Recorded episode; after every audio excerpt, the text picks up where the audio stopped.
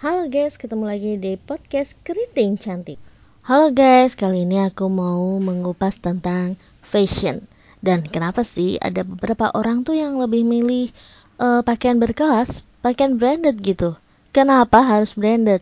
Memakai pakaian mahal bermerek penting buat sebagian orang dan itu kenapa? Mau tahu alasannya? Alasan pertama itu citra untuk mengidentikan diri pada status sosial tertentu. Dan kedua, alasannya adalah karena gengsi, tak ingin terlihat sebagai orang yang kurang mampu. Ketiga, itu karena tuntutan agar dapat berbaur dengan lingkungan sehari-hari. Mungkin lingkungannya itu kayak artis gitu ya. Nah, terus keempat, mampu. Kalau bisa beli kenapa enggak?